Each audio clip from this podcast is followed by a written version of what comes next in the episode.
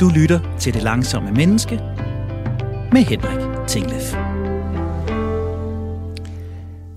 Det her bliver den mærkeligste radioudsendelse, jeg til dato har lavet. Og det bliver også den aller sidste udsendelse i Det Langsomme Menneske. Der er ikke noget manuskript.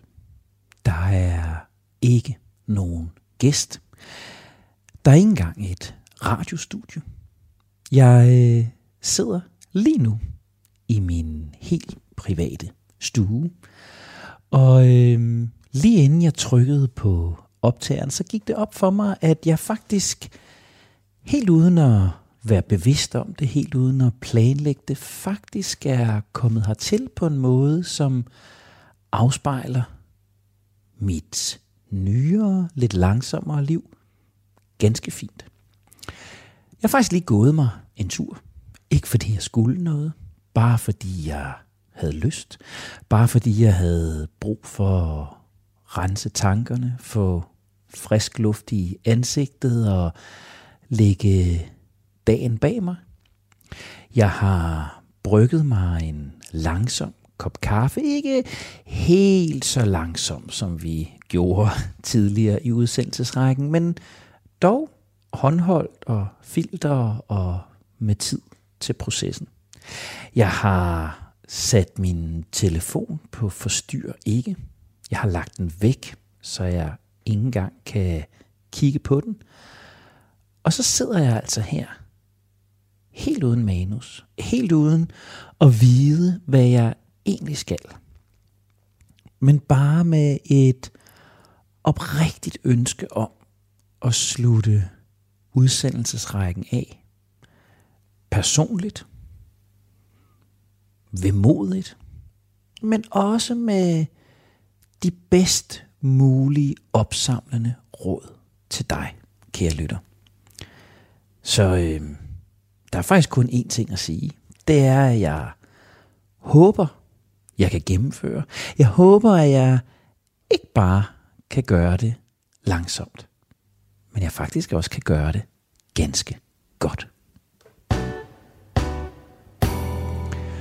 Du lytter til Radio 4.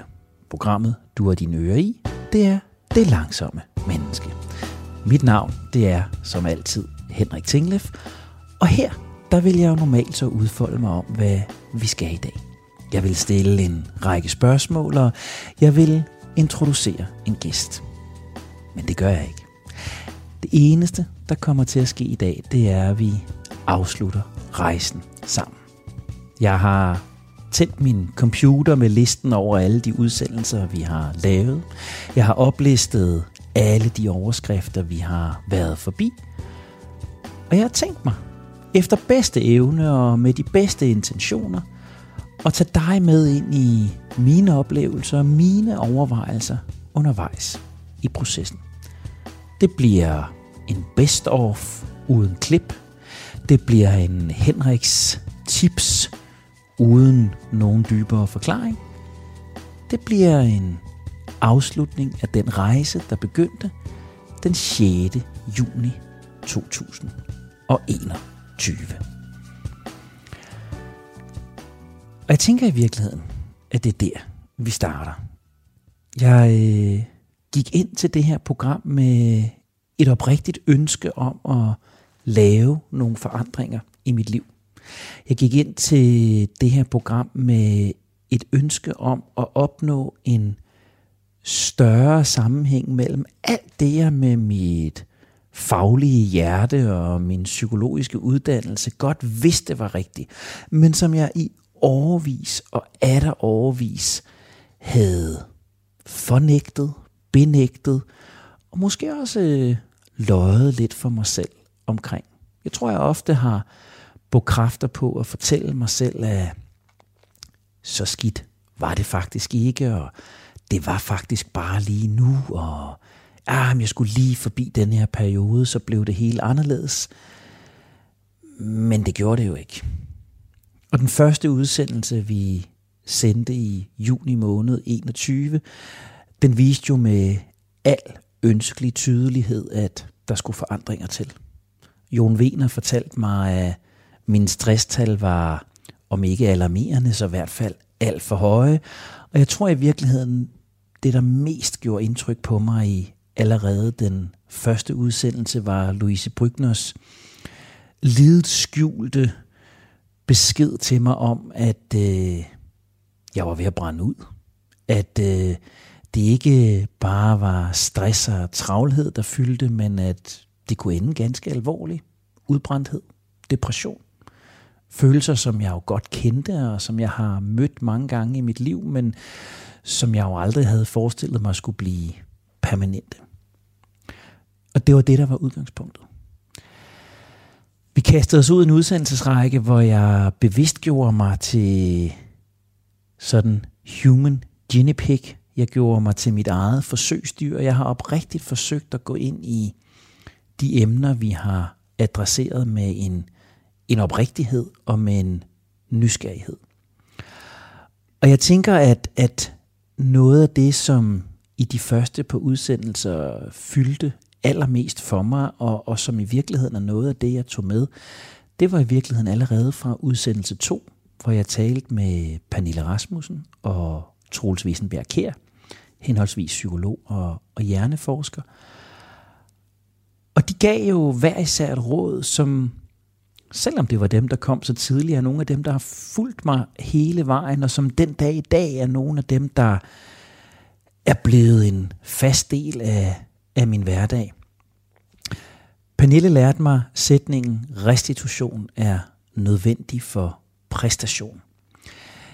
Jeg tror, at jeg som så mange moderne mennesker har været optaget af at komme videre, gøre det hurtigere, gøre det højere, gøre det stærkere, leve op til de olympiske idealer, også i mit liv generelt.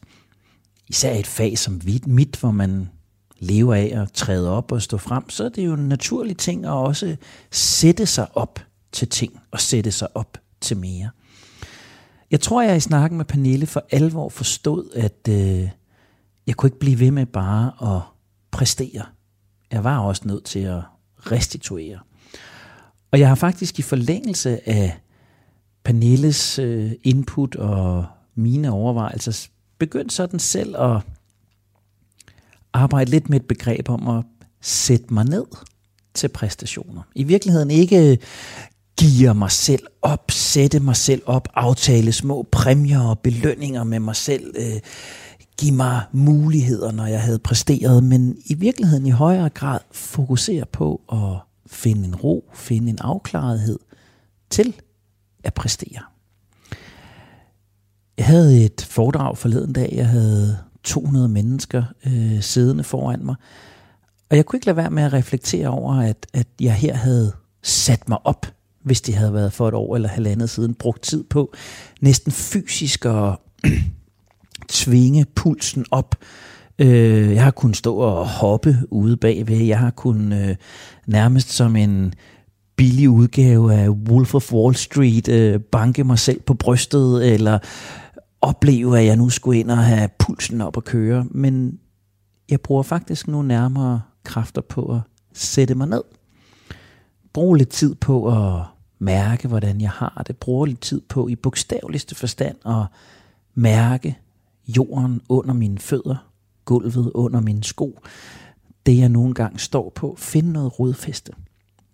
Og det virker for mig. Det gør, at jeg er langt mere rolig, langt mere afslappet og langt mere langtidsholdbar. Jeg oplever, at jeg er en anden far, der kommer hjem til mine børn. Jeg oplever, at jeg har en rare køretur hjem, når jeg har holdt foredrag med langt mindre hovedpine, end jeg havde for år tilbage. Så jeg lærte rigtig meget om restitution, om ikke at sætte op til præstation. Og det var i virkeligheden noget af det, som, som Troels Wiesenberg Kjær også var inde på. Troels fortalte os om sit stakit. Er du fast lytter af programmet, så vil du have hørt rigtig meget om mine badeværelsesfliser, og det er faktisk en af de ting, som øh, som jeg virkelig har taget med mig. Øh, roen til at nørkle, roen til at nusse, roen til at tulle, øh, falde ind i en aktivitet, bare være. Og, og jeg kommer i tanke om nu, som jeg sidder her, jeg faktisk stod ude på mit badeværelse i morges og besluttede mig for, at det snart var tid til at, at give fliserne en, en tur mere. Og jeg har faktisk købt mig et nyt øh, skure skrubbemiddel, jeg har bestilt hjem fra USA. Det skulle være ganske særligt godt. Og jeg kan sådan helt, øh, når jeg fortæller om det nu, mærke, at jeg glæder mig til at, at prøve det af. Øh, der havde jeg ikke troet, at jeg havde været, hvis du havde spurgt mig for halvandet år siden. Så det første, jeg tog med mig, det var restitution er nødvendig for præstation, og, og det her rækværks stakits øh, badeværelsesflise forsvinden ind i aktivitetparameter, øh, som er noget af det, der har, øh, har fyldt for mig for, øh, for alvor. Vi arbejdede jo stille og roligt videre hen over de første måneder, vi øh, sendte. Og øh, noget af det næste, som gjorde indtryk på mig, både fordi det var enormt svært, da jeg første gang prøvede det, men, men også fordi det er noget af det, der stadigvæk driller mig, selvom jeg synes, jeg bliver, bliver bedre til det. Det var da Mi Tastesen, øh, psykolog, fridykker, åndedrætstræner, øh, og dengang indehaver af Compassion House, øh, talte åndedrætsøvelser med mig. Jeg blev oprigtigt chokeret over, hvor svært det var. Hvis du hørte udsendelsen, så øh, kan du måske huske, at jeg, jeg oplevede ubehag. Jeg vil næsten sige angst øh, ved at, at mærke mit åndedræt på den måde. Jeg er på ingen måde blevet yogi. Jeg er på ingen måde blevet øh, hverken fri eller dybhavstykker. Jeg tror aldrig øh, egentlig åndedrætstræning bliver mig. Men jeg er blevet opmærksom på mit åndedræt. Jeg er blevet opmærksom på, at jeg, når jeg bliver for hektisk, når jeg bliver for engageret på den uhensigtsmæssige måde, øh, så er jeg opmærksom på mit åndedræt som en indikator det er blevet øh, et signal til mig, en advarselslampe til mig. Nærmere end det måske er blevet en, en direkte vej til ro, så er det blevet en lampe, der blinker. Jeg har i mange år sådan i mit professionelle virke, også over for andre, sådan arbejdet med sætningen om, at arbejde må gerne være sjovt, men det må ikke være for sjovt. At man gerne må være engageret, men man ikke må være for engageret.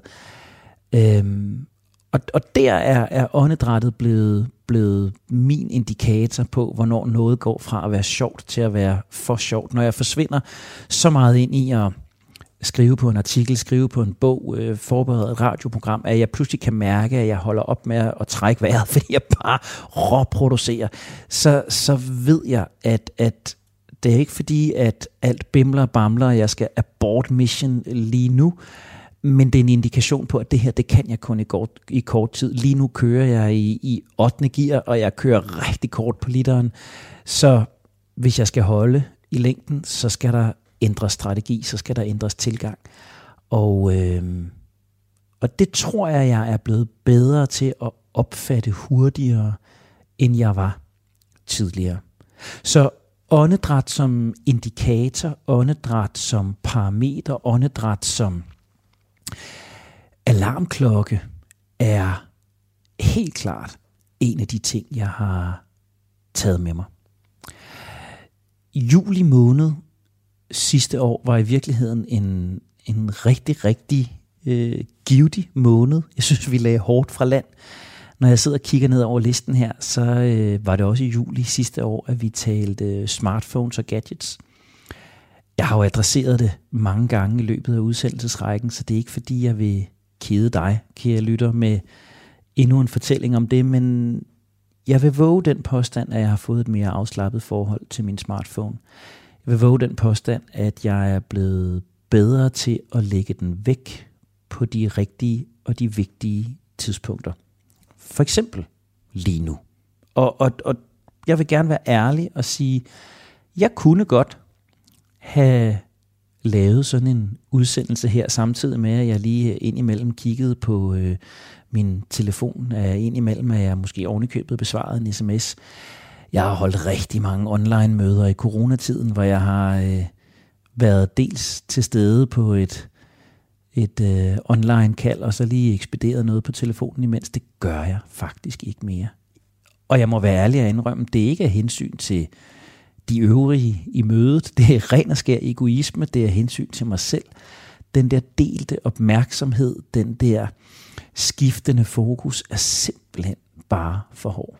Jeg tror i virkeligheden, at min læring af det her er, at det ikke så meget handler om at generelt begrænse brugen af smartphone, at det ikke øh, handler om, om soveværelse, badeværelse, arbejdstid og det ene og det andet.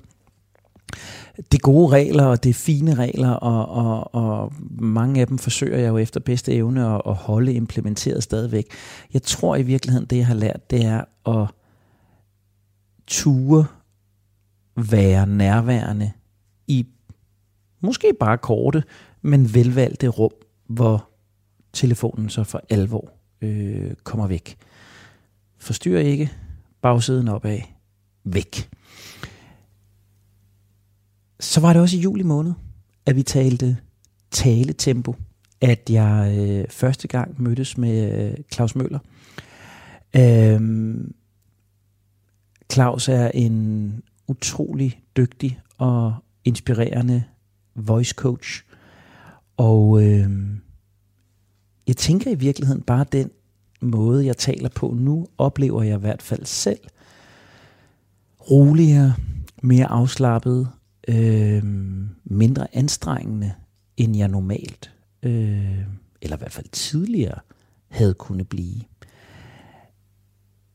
Jeg tænker også, at ved det, at jeg lige nu sidder på 17. minut og gennemfører en fuldstændig manusfri udsendelse, øh, uden nogen som helst form for øh, rundown eller noteliste. Øh, det er også et udtryk for, at jeg har fået en tillid til, at jeg kan tænke, mens jeg taler. At jeg tør at holde de pauser, der skal til.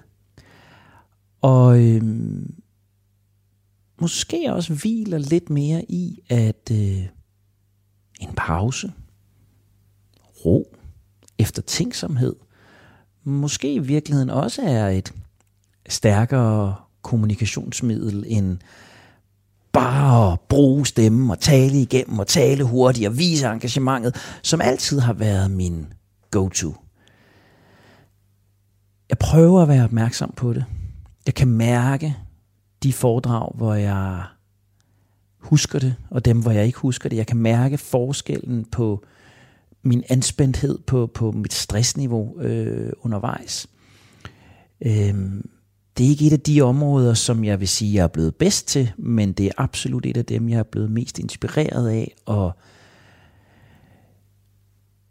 ofte sender en tanke, og faktisk rigtig gerne vil være bedre til. Endnu bedre, end jeg allerede er blevet. Der er øh, masser af steder, vi kunne øh, gribe fat. Der er masser af steder, vi kunne dykke ned i udsendelsesrækken, og fortsætter jeg i det malige, langsomlige tempo, jeg har gjort indtil nu, så øh, når vi vel cirka frem til november 21, før vi, før vi skal slutte for i dag. Men jeg tænker i virkeligheden at lade flowet afgøre, hvor vi ender, og stille og roligt kigge ned over listen og sige noget af det, som jeg i virkeligheden også har lyst til at genadressere. Det er den udsendelse, vi sendte lige efter sommerferien sidste år. Jeg havde øh, Ditte Dargo med i studiet, der var erhvervspsykolog, og øh, Christine Ibsen, der er lektor ved DTU Management. Og vi talte om at vende tilbage efter sommerferien på det tidspunkt, men jo i det hele taget vende tilbage efter kortere eller længere ferier, vende tilbage til et projekt efter lang tids fokus på noget andet. Og det var jo ikke fordi, at det program på den måde gav mig viden, som jeg ikke havde. Det var virkelig nok et af de programmer, hvor jeg virkelig oplevede diskrepansen mellem alt det, jeg selv har gået og sagt, og det, jeg har formidlet tidligere, men, men på ingen måde øh, øh selv holdt. Øh, jeg har givet masser af råd til at lande godt inden ferie og starte fornuftigt op efter ferie. Jeg har aldrig nogensinde fulgt dem. Indrømmet. Det er jeg helt klart blevet bedre til. Jeg er helt klart blevet bedre til at skrue ned bare en fredag eftermiddag, øh, en mandag morgen, øh, fra et projekt til et andet, et fokus til et andet, en langsom landing, en langsom letning, hvad vi nu skal kalde det. Øh, det tror jeg er en meget større del af det her, end, øh, end jeg selv ved. Øh, det var jo noget af det, som, som Jon kunne se i de fysiske data min mine morgener, var, var anderledes. Han kunne se, at jeg faldt hurtigere ned øh, efter præstationer, og jeg, jeg tror, at den her tanke om at lande flyvemaskinen og få flyvemaskinen i luften igen, øh, har betydet mere for mig end som så. At det ikke behøver at være fuld kraft frem hele tiden, men at øh, de her landinger og letninger, både i det store og i det små, er, er vigtige. Det er i hvert fald en af dem, der, øh, der har taget, jeg har taget med mig. Og inden vi skal lægge op til nyheder, som jo er en præmis i, øh, i denne her udsendelse, så øh, kigger jeg ned over øh, september sidste år og ser to ting, som, som helt klart har været noget, jeg har taget med, og som jeg ikke kan anbefale nok til andre. Vi lavede en udsendelse om at blive syg, om øh, min ringe evne til at øh, håndtere øh, sygdom. Jeg fik rigtig gode råd af lægen Pia Norup og Pernille Rasmussen, vores nærmest huspsykolog igen. Og øh, jeg har heldigvis ikke været meget syg, måske fordi jeg løber lidt langsommere, men jeg er blevet meget bedre til at lytte til min krop. Øh, tag en formiddagslur de dage, jeg har mulighed for det, hvis jeg føler behovet. Giv efter, når jeg mærker snotten, være på vej, øh, gå tidligt i seng, spise lidt ekstra, øh, lytte til kroppen i langt højere grad. Jeg har næsten lyst til at sige, at jeg er blevet bedre venner med min krop. Jeg vil i hvert fald sige, at jeg ser ikke længere min krop som en fjende. Det har jeg gjort tidligere. Jeg har tæsket den, når den ikke fungerede. Og øh, det kommer der i hvert fald ikke noget godt ud af. Jeg er blevet bedre til at håndtere træthed, udbrændthed, udmasthed, sygdom også. Øh, det, var, det var lærerigt i september måned sidste år. Og den sidste ting, der står i september sidste år, det var udsendelsen om at sige nej. Jeg kan næsten ikke øh, overvurdere vigtigheden af det i hele det her projekt. Jeg registrerer ikke mine nejer på samme måde, som jeg gjorde tidligere. Jeg planlægger dem ikke på samme måde, som jeg gjorde tidligere, men hold da op, hvor er jeg blevet meget bedre. Øh, nej til møder, nej til foredrag, nej til projekter. Jeg øh, blev ringet op af en patientforening forleden dag. Det var faktisk et lidt ubehageligt opkald, for jeg synes, jeg, der blev også brugt nogle argumenter, som handlede om de her patienters ved og vel og behov. Øh, jeg skulle levere en, en ydelse øh, gratis. Jeg har simpelthen ikke luften i kalenderen. Og det lykkedes mig at sige nej. Jeg er ked af det over for patienterne, men jeg ville have været endnu mere ked af at have følt mig presset ud i et ja, og endda et ja, som jeg ikke havde tid til at lavere på. Og det havde i virkeligheden været endnu mere disrespektfuldt over for både patienter og forening. Det har jeg lært. Øh, meget, mange, mange flere nejer, end jeg i min vildeste fantasi havde forestillet mig, jeg ville komme til at sige i mit liv. Glemmer du alt andet for den her øh, udsendelsesrække, kære lytter, så er det nejer. Du skal huske, så er det dem, der skal flere af. Det blev ordene for første halvleg. Det er det her, der er udsendelsen i dag. Det er mine falbuleringer over forløbet, og du får endnu flere på den anden side af nyhederne her på Radio 4.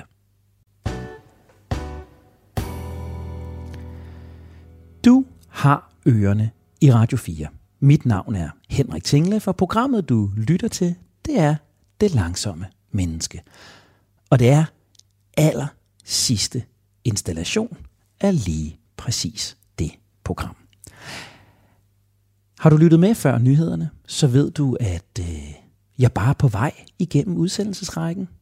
Det er frie falbuleringer over, hvad vi har været igennem sammen, du og jeg, kære lytter.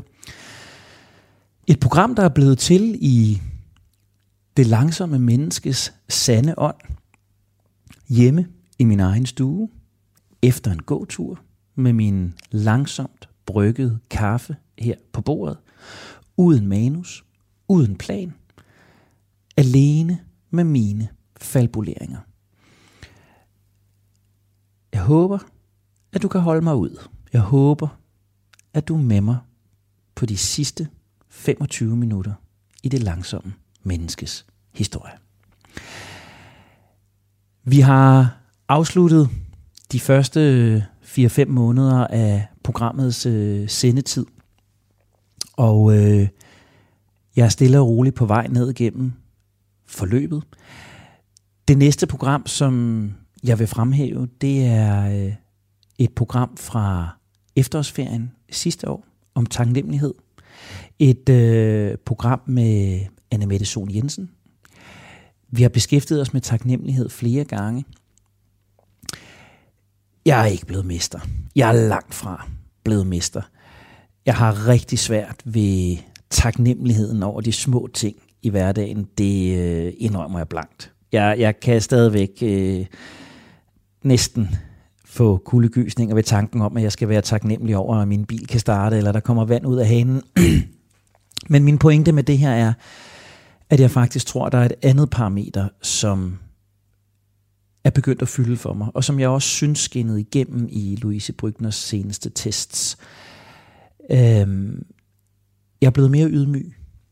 Jeg er blevet mere ydmyg i forhold til min måske sådan egoisme, grænsenarcissisme, øh, mere ydmyg i forhold til mine egne kompetencer, mine egne færdigheder.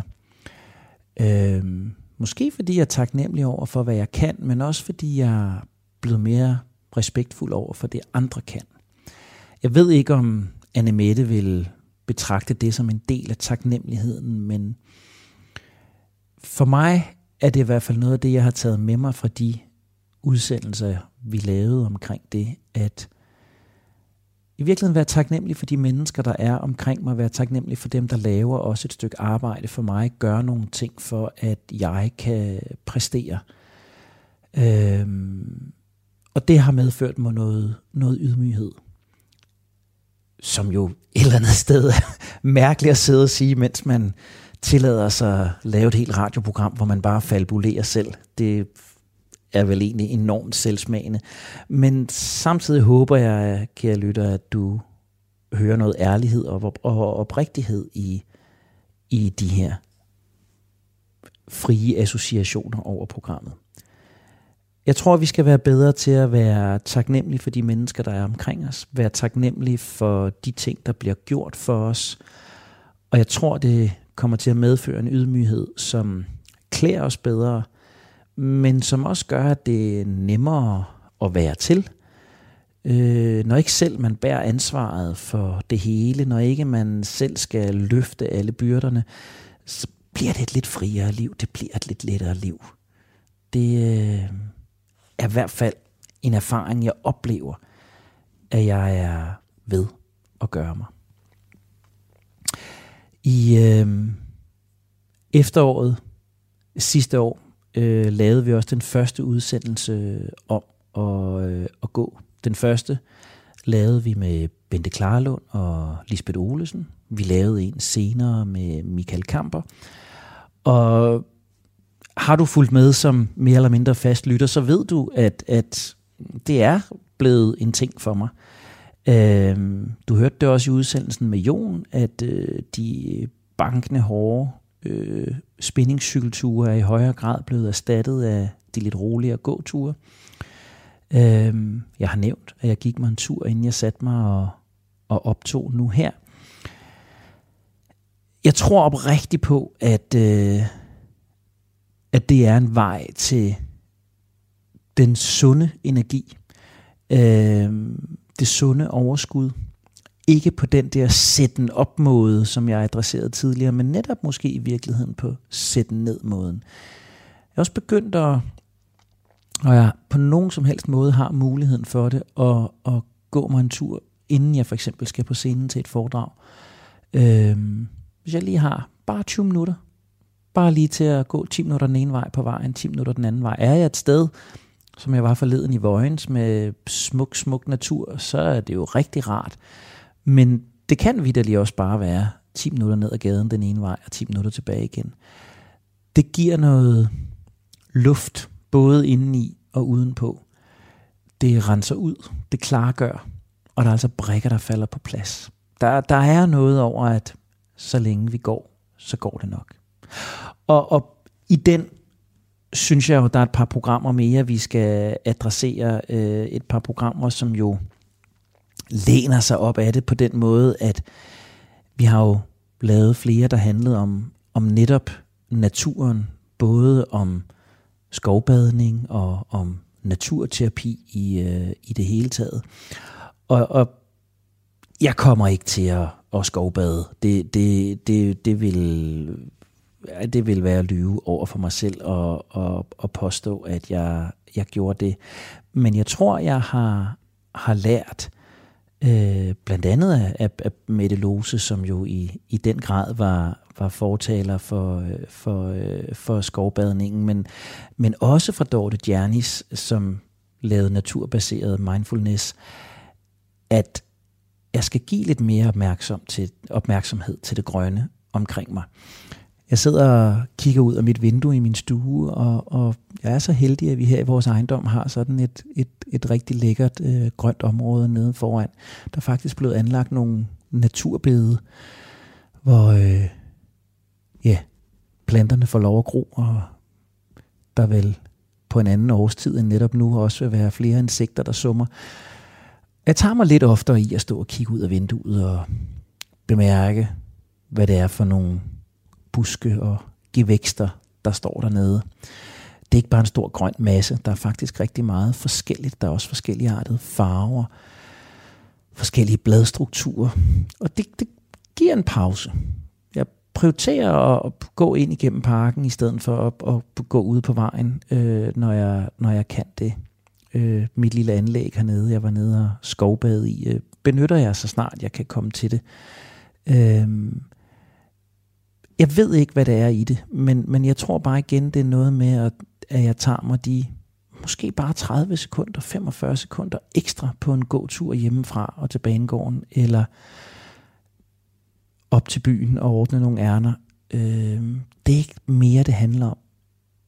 Men tallene fra Jon og Louise talte jo deres tydelige sprog, så et eller andet må det jo gøre.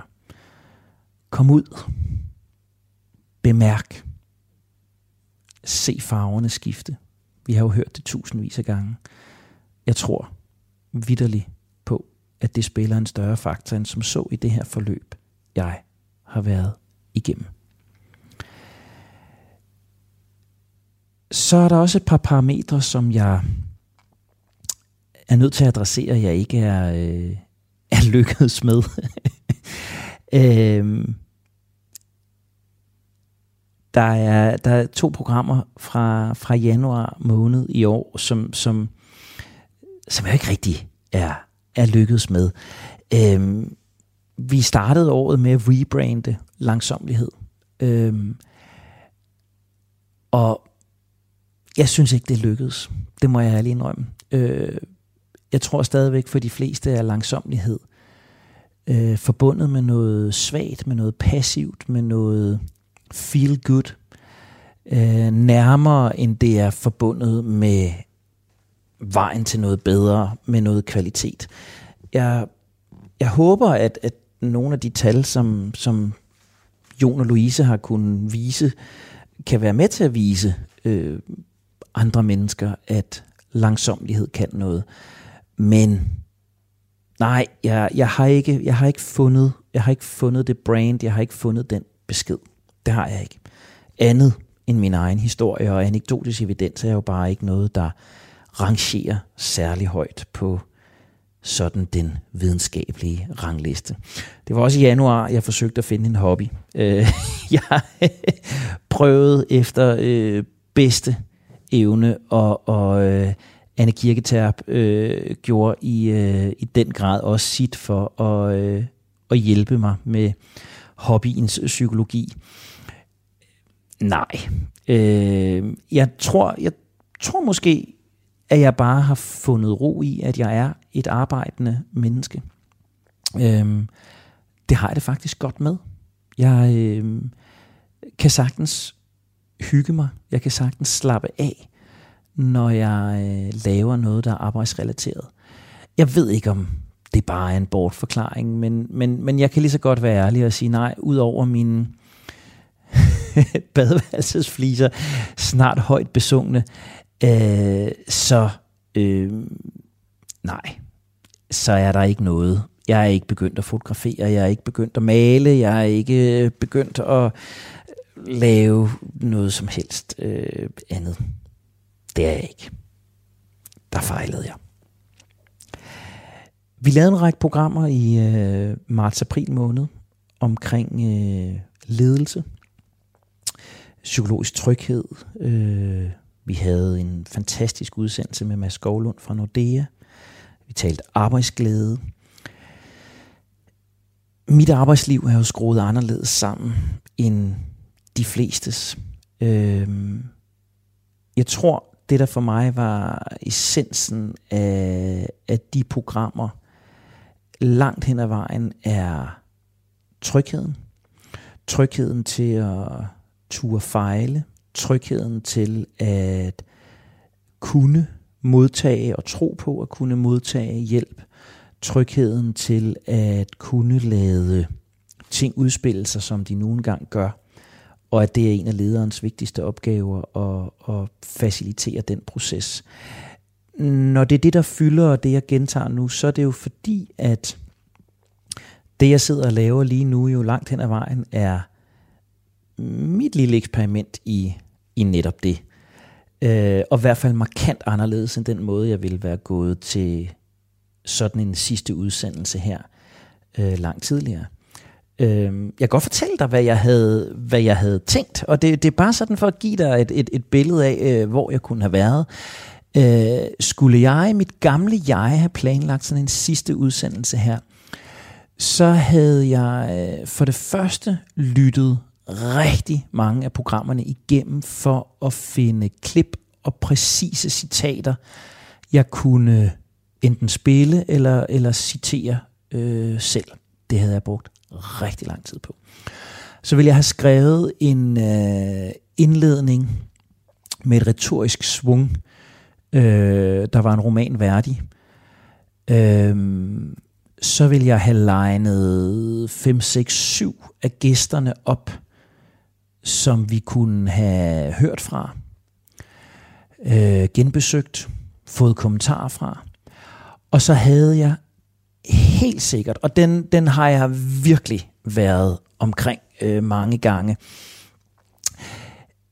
Øh, og jeg har været tæt på at gøre det, men, men, men har besluttet mig for at, at lade være. Så havde jeg enten skrevet en øh, tekst til My Way, som jeg havde reciteret hen over musik, eller jeg havde øh, lavet en tekst til Wear Sunscreen.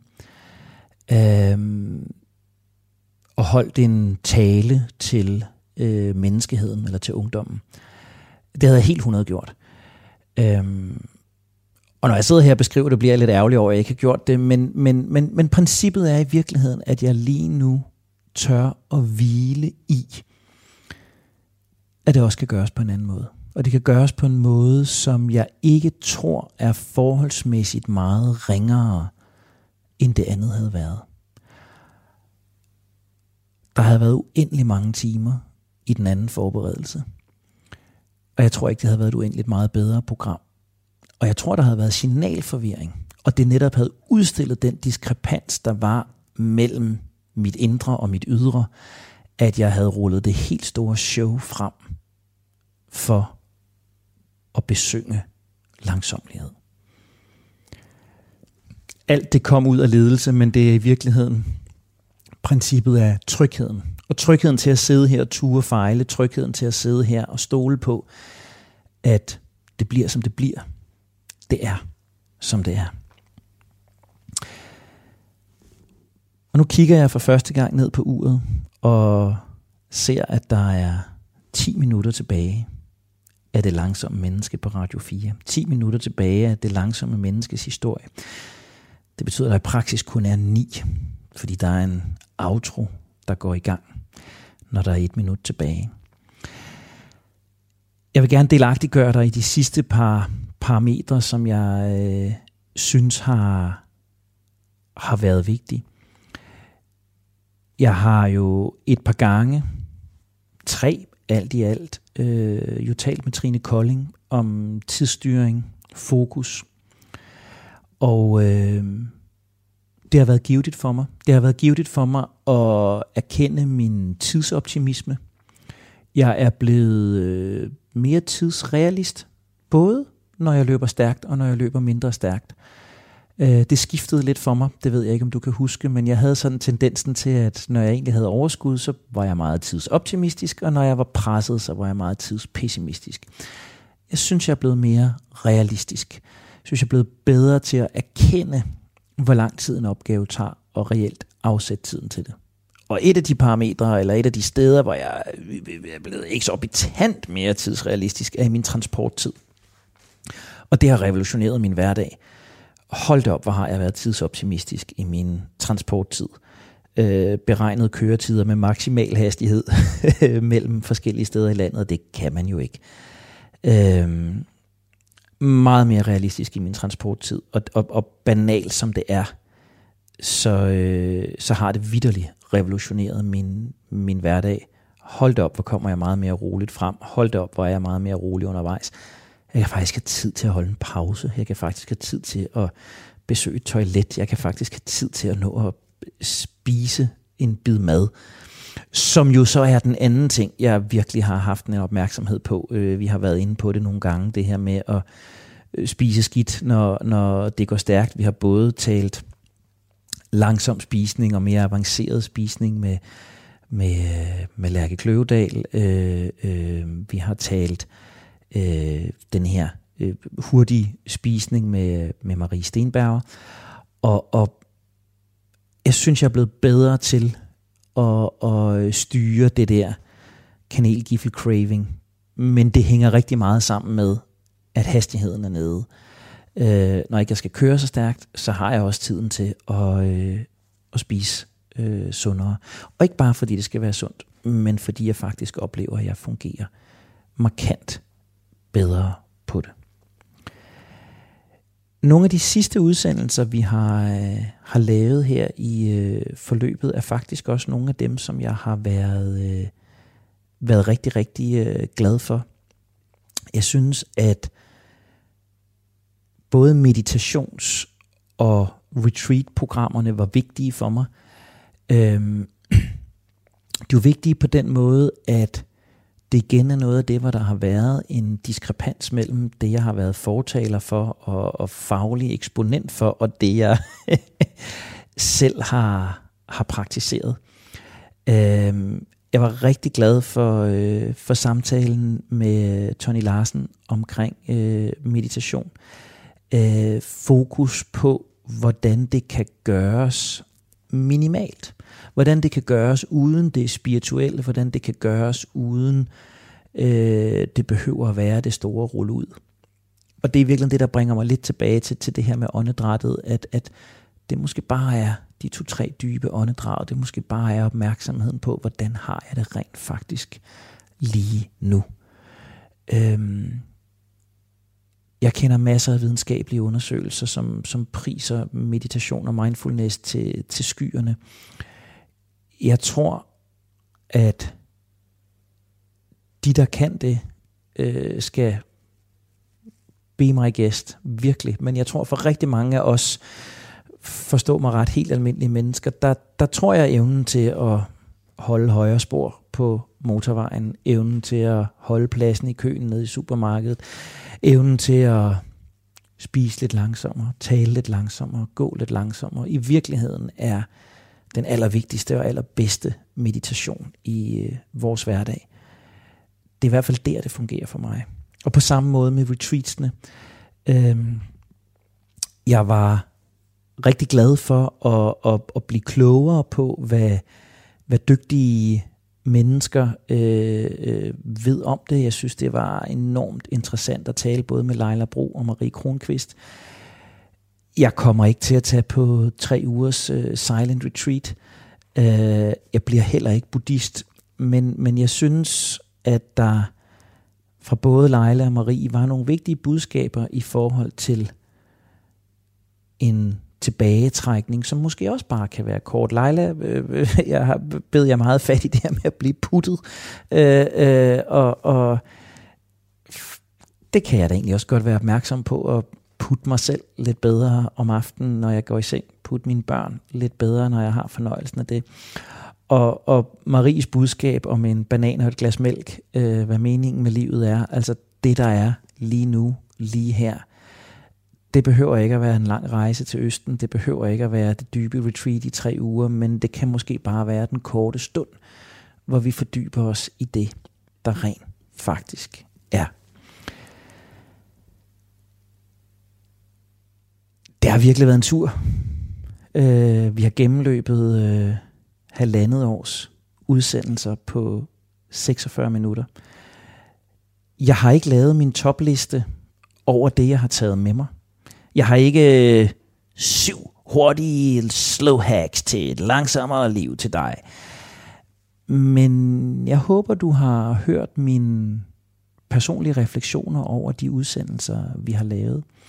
Jeg håber, at øh, det du hører er, at for mig har det her ikke været et spørgsmål om at vælge hvilken eller hvilke af de mange forskellige langsomlighedsstrategier, der er blevet præsenteret hen over nogle af 70 udsendelser, som er den bedste eller den mest effektive, eller den, der har gjort forskellen for mig. Jeg håber i virkeligheden, det du hører, det er, at jeg som et andet patchwork-tæppe har, har syet min løsning gennem det her. Øh, jeg har ikke købt fuldstændig ind på hverken det ene eller det andet, men jeg har lånt lidt hister, jeg har lånt lidt pist. Jeg øh, fokuserer lidt mere på restitution. Jeg fokuserer lidt mere på fordybelse. Jeg fokuserer lidt mere på mit åndedræt. Jeg fokuserer lidt mere på at gå og være i naturen. Men jeg fejler lige så meget, og jeg falder lige så ofte udenfor. Jeg er langt fra blevet religiøs på noget som helst af det her.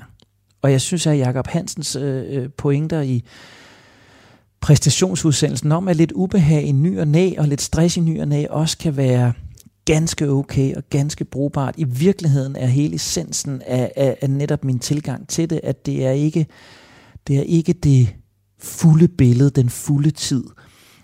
Det handler om at stemple lidt ind og ud, og det handler om at sy det her kludetæppe, der til sammen giver noget. Og det må jeg jo sige, om, om vi så tror på det ene eller det andet, jeg er gået ind til det med oprigtighed, jeg har gået ind til det med krum hals, og jeg var vidderlig ved at falde ned af stolen, både da jeg sad med Jon sidste gang, og da jeg sad med Louise i det sidste besøg hos hende. Jeg er chokeret over de effekter, det har haft. Jeg vidste det jo godt. Jeg kan jo godt mærke det i hverdagen. Jeg er glad for, at mine børn bemærker det. Jeg er glad for, at mine forældre bemærker det. Jeg er glad for, at min søster bemærker det. Men jeg var alligevel overrasket over, at det skinnede så tydeligt igennem. Så fuldstændig uvidenskabeligt, fuldstændig øh, uevidensbaseret, så har det, jeg har gjort jo, haft en bravende effekt. Jeg synes, Louise tog munden for fuld i hendes konklusion, men med Jons data og Louises øvrige udtalelser, så er der jo ingen tvivl om, at hele det her kludetæppe, det er nu engang endt i, at jeg er blevet et langsommere menneske. Og det var jo lige præcis det, jeg ønskede at være, da hele denne her rejse, den startede.